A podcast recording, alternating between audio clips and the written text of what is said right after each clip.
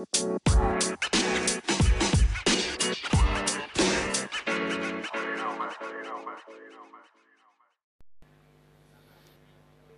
biasa, malam itu aku main ke rumahnya. Lalu, ndilalah, aku ditemui oleh papanya. Padaku, sang papa bertanya, "Mas, kerja di mana?" Lalu ku jawab, "Anu, Pak, di Lintas Sarta." Habis itu, sang papa setelah mengangguk-angguk puas, dia masuk ke dalam lagi. Lalu cewekku bertanya padaku, "Emang betul Mas kerja di lintas harta? Dan ku jawab sedih Iya Lah artanya cuman melintas doang. Kok rano sing guyu? Teman-teman Satu pertanyaan sederhana Pasti akan muncul di benak kita. Kah kita bisa naik gunung begitu saja? Pas pengen langsung bisa naik ke Mahameru atau ke puncak Bromo apakah kita langsung bisa menjadi pemain bola sukses begitu saja?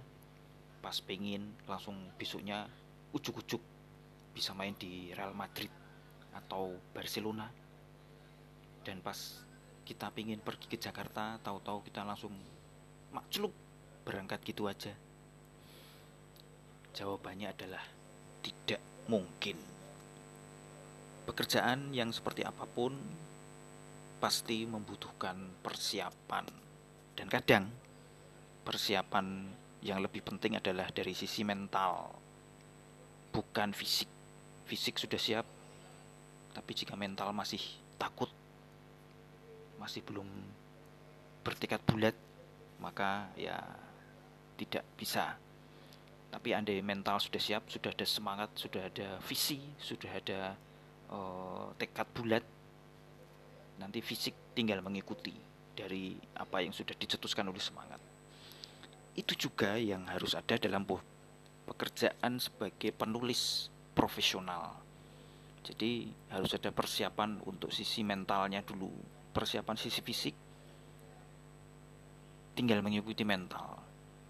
Nah, yang kadang-kadang kita jarang tahu apalagi di era media sosial sekarang ini adalah persiapan dari segi fisiknya itu sudah cukup lalu kita merasa bahwa kita sudah oke okay nih kalau jadi penulis profesional.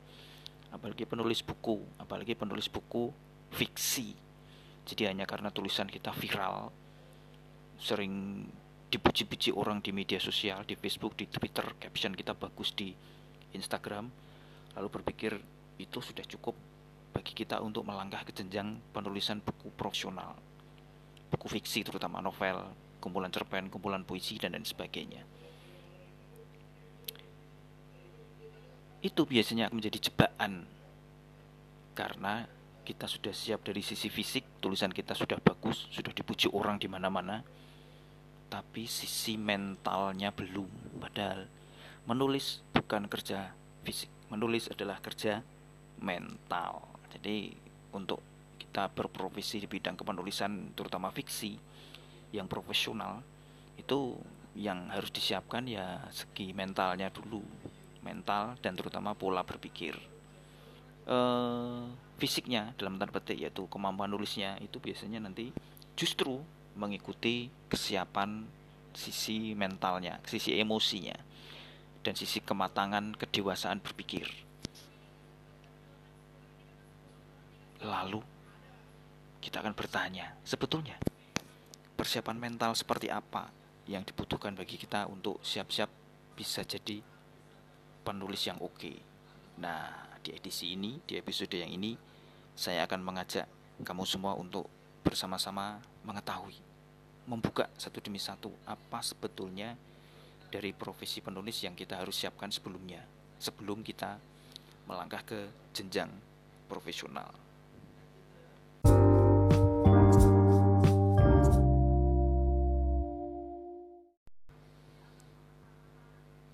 Ketemu lagi di Writer. Nah, modal pertama yang harus kita miliki saat kita akan berkarir masuk ke jenjang kepenulisan profesional, terutama untuk saya ini terutama menekankan pada sisi penulisan fiksi. Kalau untuk penulisan non fiksi yang ilmiah, yang jurnalistik, yang buku-buku non fiksi itu sedikit agak beda. Maka saya beri penekanan untuk kepenulisan yang fiksi. Hal pertama yang harus disiapkan adalah apa? Yaitu kesabaran. Kita setiap saat dari acara pengajian ke pengajian yang cowok dari jumatan ke jumatan pasti terlalu sering mendengar uh, ungkapan untuk memupuk rasa sabar. Kita harus sabar, harus pasrah, harus tawakal. Dan ketika kita curhat kepada orang lain, kepada orang terdekat mengenai masalah kita, hal pertama yang kita terima apa? Yo sing sabar. Yo sing sabar. Yang sabar ya kak. Turut mendoakan. Nah, yang jarang kita pikirkan pada saat kita ngasih itu kepada orang lain yaitu ketika gantian kita yang bilang kepada orang lain yang sabar ya kak itu adalah bagaimana sesungguhnya melatih rasa sabar itu sabar kita tahu. Ya koyok ngono tapi itu adalah suatu skill yang harus dilatih. Sayangnya untuk saat ini kita tidak membicarakan tentang cara-cara melatih sabar. Meskipun itu nanti penting juga tapi itu nanti akan ada dalam episode selanjutnya. Pada pembahasan lebih lanjut tentang sisi-sisi mental dari profesi kepenulisan fiksi. Tapi yang jelas sabar itu harus betul-betul dilatih dan itu harus kita miliki betul karena kepenulisan fiksi nanti akan sangat membutuhkan itu. Betapa tidak?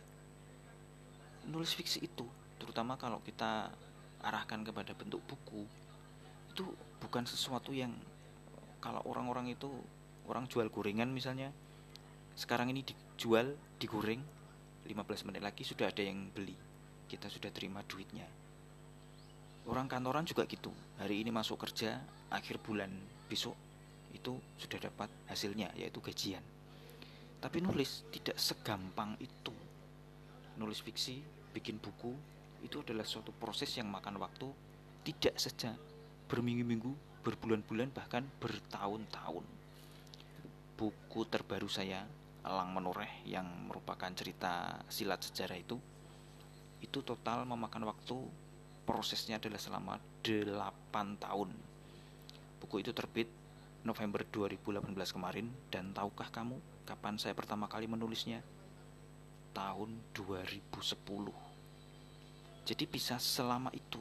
Kalau untung satu tahun sudah bisa tapi itu satu tahun hitungan yang juga lama tidak ada nulis orang nulis fiksi nulis novel nulis puisi nulis cerpen hari ini nulis judul pertama nulis bab pertama lalu kita berharap besok pagi sudah ada yang beli lalu kita dapat uang nggak ada nulis fiksi adalah sesuatu yang sangat butuh kesabaran jadi kalau kita belum tahu caranya sabar ya nanti kita akan susah untuk mengikuti ritme industri buku fiksi karena waktunya sangat lama. E, kita perlu waktu untuk nunggu di approve penerbit itu bisa beberapa bulan. Lalu kita perlu nunggu waktu lagi untuk menunggu antrian editor. Itu juga bisa beberapa bulan. Lalu kita mengikuti proses editingnya juga beberapa bulan. Dan lalu kita menunggu jadwal antrian di percetakan. Itu juga bisa beberapa bulan eh beberapa minggu sampai bulan.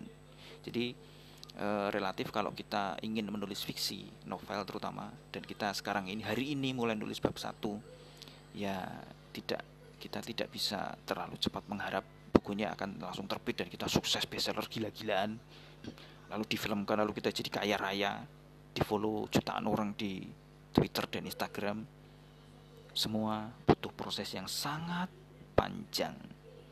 Kalau buku non fiksi bisa kita cepat-cepatkan karena kaitannya dengan tren, dengan apa yang sekarang sedang hangat diomongkan oleh publik. Tapi kalau buku fiksi sangat tidak bisa. Jadi kalau kamu belum punya sifat sabar yang betul-betul sudah dilatih, sudah bisa benar, ya waspada nanti pasti akan sering kesandung ketika e, masuk ke bisnis penerbitan buku fiksi.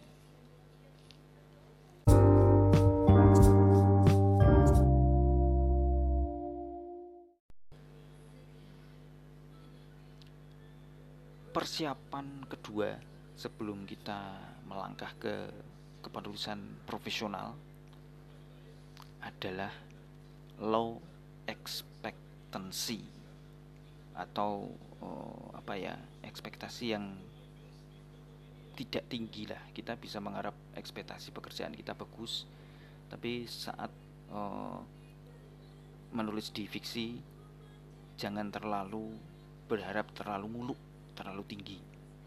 Yaitu misalnya buku kita berkualitas gila-gilaan seperti karya Ayu Utami. Lalu hasilnya juga akan gila-gilaan seperti uh, Andrea Hirata dengan Laskar Pelangi atau seperti buku-buku Dewi Lestari. Yang buku itu lalu uh, bestseller.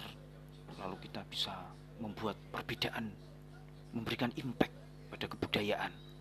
Buku itu bisa memberikan sesuatu kepada masyarakat. Sehingga buku itu menjadi uh, sebuah buku yang akan dikenang dalam sejarah. Teman-teman, uh, kualitas kerja bisa kita tetapkan setinggi mungkin dari penguasaan kita atas skill dan uh, kualitas kebahasaan. Seperti yang pernah saya singgung dalam episode pertama dulu, yaitu kita paling nggak harus tahu gimana caranya nulis dengan baik, uh, logika, karena kaitannya apa yang kemarin saya sampaikan dalam urusan ngeresensi buku. Kita harus membuat karya kita sebagus mungkin agar mem meminimalisir kemungkinan buku itu diresensi, direview jelek. Tapi ketika sudah sampai kepada hasil efeknya itu kita harus siap untuk kemungkinan yang terburuk. Jadi harus dibalik. Bukan kita bersiap untuk kemungkinan yang terbaik, tapi justru yang terburuk. Uh, karena saat kita belum terbiasa nulis di fiksi, itu ekspektasi tinggi itu akan berakibat fatal. Satu, kalau ekspektasi kita tinggi tapi tidak terjadi, kita sudah mengharap buku itu bestseller, lalu difilmkan, lalu kita terkenal sebagai seleb, tapi ternyata tidak terjadi. Kita akan terasa seperti dibanting seperti di PHP-in oleh dunia industri buku. Lalu normalnya kita akan kehilangan semangat. Terus kita mikir, lah ke mana sudah kerja keras kok hasilnya cuma kayak gini. Mending jualan tahu. Sehingga kita kembali, apalagi ini bagi yang profesi aslinya bukan nulis. Jadi kan ada beberapa orang yang sudah sukses di profesi lain, lalu merasa tulisannya bagus, dan menjajal-jajal profesi nulis berpikir bahwa tulisan bagus pasti sudah cukup. Lalu kita ikut nulis buku. Nah kalau ekspektasi besar itu tidak terjadi kita akan kehilangan semangat mending kembali ke profesi awal. Itu pasti akan e, menemui ganjelan. Nah yang lebih celaka adalah kalau ekspektasi kita itu sukses. Ekspektasi kita itu tercapai buku kita menjadi bestseller dan memberikan impact pada budaya pada kultur. Bahayanya di mana? Bagi orang yang tidak terbiasa menulis kesuksesan mendadak di buku pertama itu akan membuat kita awang-awangan atau kehilangan standar untuk meneruskan buku kedua. Kita menuntut diri kita untuk bisa membuat buku kedua itu sesukses buku pertama. Nah, beban pikiran itu untuk membuat buku kedua sukses dengan buku pertama akan membuat kita bekerja lebih keras, akan membuat kita lebih stres, lebih tertekan untuk membuat buku kedua bisa sukses buku pertama. Mikirnya saya sudah ses sudah lelah, apalagi mewujudkannya. Padahal menulis fiksi adalah suatu proses yang harus dikerjakan dengan gembira kalau kita mengerjakannya dengan tuntutan, dengan stres, dengan ekspektasi yang suar, luar biasa tinggi agar buku itu bisa sukses. Buku pertama ya kita akan lelah dulu, lelah secara mental, sehingga nanti entah satu karyanya tidak selesai karena nggak sempat-sempat, atau dua karena begitu dibebani dengan tekanan yang demikian tinggi, maka akhirnya kita tidak bisa membuat buku itu sebagus apa yang kita harapkan. Jadi ini penting agar kita memiliki ekspektasi yang biasa-biasa saja sehingga hasil yang seperti apa pun akan tetap dianggap sebagai suatu hal luar biasa yang patut disyukuri.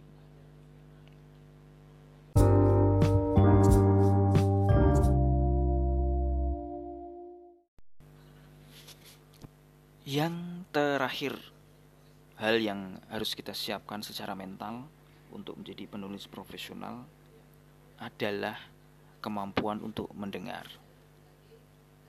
Salah satu quote terbaik yang pernah saya dengar adalah bahwa kita terbiasa mendengar tidak untuk mengerti, tapi untuk memberikan jawaban balasan.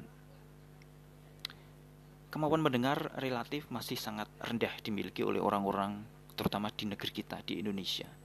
Bayangkan ketika terjadi debat kepresidenan, misalnya debat politik, eh, pihak sana sedang sibuk ngoceh untuk mengkritik kita.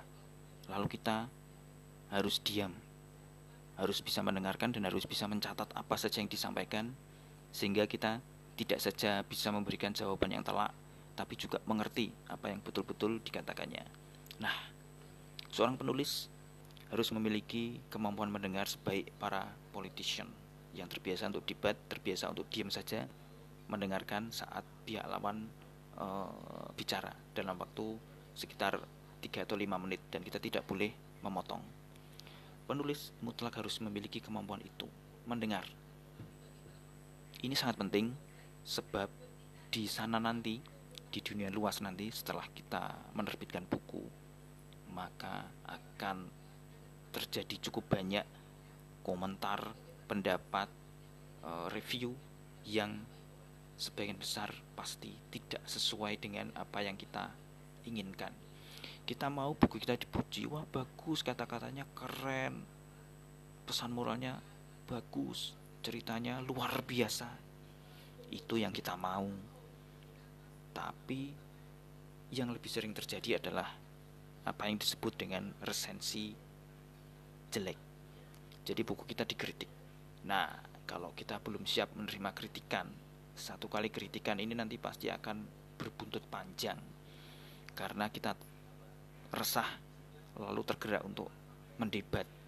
Lalu pihak sana mendebat lagi sini mendebat lagi. Nah, terjadi akhirnya lah uh, horse cart drivers debate atau debat kusir. Nggak selesai-selesai apalagi di era media sosial ini kita bisa mengkritik buku meresensi bebas di blog, di Facebook, dan apalagi kita punya satu jaringan media sosial yang khusus untuk mengkritik buku, yaitu Goodreads. Nah, kalau kita tidak siap mental untuk dikritik, segala macam uh, review di Goodreads akan kita layani, kita kritik balik, kita debat. Lalu waktu kita habis hanya untuk melayani satu demi satu review di Goodreads dan banyak tempat lain di media sosial di internet. Lah kapan nulisnya? Maka yang terpenting harus kita siapkan adalah sebenarnya kemampuan untuk mendengar itu dan kita e, bisa diam sekalipun kita tahu sana salah kita benar. Nah itu yang kan yang susah. Kalau sana bahkan kalau sana benar kita salah pun kita biasanya masih tetap suka mendebat. Macam-macam muter-muter omongannya. Yang penting kita debat. Apalagi kalau kita tahu sana yang salah dan kita yang benar pasti kita akan semangat sekali untuk wah maju terus perang perang kata-kata. Nah yang lebih sering terjadi dalam dunia buku profesional itu adalah kita tidak bisa berbuat apa-apa sekalipun dikritik dan sekalipun kita tahu kritiknya itu salah ada kritik yang salah? Ada. Yaitu kritik yang awam. Kita lebih tahu soal kepenulisan sementara orang awam tidak tahu. Tapi mereka mengkritik. Hanya karena biasanya karena masalah selera atau ah nggak cocok nggak suka dengan buku model begini. Padahal justru yang tidak disuka itulah yang sebetulnya berkualitas lebih baik daripada yang biasa dibaca oleh uh, sang pengkritik. Nah kita tahu ini. Sana itu salah karena nggak tahu urusan nulis kita yang tahu karena kita penulis tapi kita harus mau dan bisa untuk diem nah ini yang susah sana salah, kita benar, tapi kita diem. Bukan berarti kita membiarkan hal yang salah, Tapi karena memang di dunia luas kepenulisan itu memang sudah nggak ada lagi waktu untuk mendebat every single thing dari review. Sehingga oleh karena itu maka hal terpenting terakhir yang perlu kita siapkan adalah kemampuan untuk mendengar dan just shut up, diam aja, nggak usah dilayani. Itu dia. Tiga biji dari hal-hal bersifat mental yang perlu kita siapkan untuk menjadi penulis yaitu kesabaran eh, ekspektasi yang tidak tinggi dan yang ketiga adalah kemampuan untuk mendengar saya yakin kalau tiga itu kita sudah bisa kuasai dengan baik maka kita sudah siap untuk menerjuni dunia kepenulisan profesional nanti soal skill gampang untuk mengikuti asal ketiga faktor mental itu sudah kita kuasai. Untuk episode ini saya kira itu dan kita nanti akan kembali ke episode berikutnya. Kemungkinan yang berikutnya saya akan ngomongin tentang Game of Thrones. Jadi siap-siap bagi yang penggemar atau bagi yang bukan penggemar, saya akan ngomongin tentang serial satu itu dan efeknya bagi kita terutama yang berprofesi sebagai penulis. Saya kira cukup dan kita ketemu lagi dalam episode selanjutnya. Jangan lupa terus menulis. Mengapa? Because writing is good.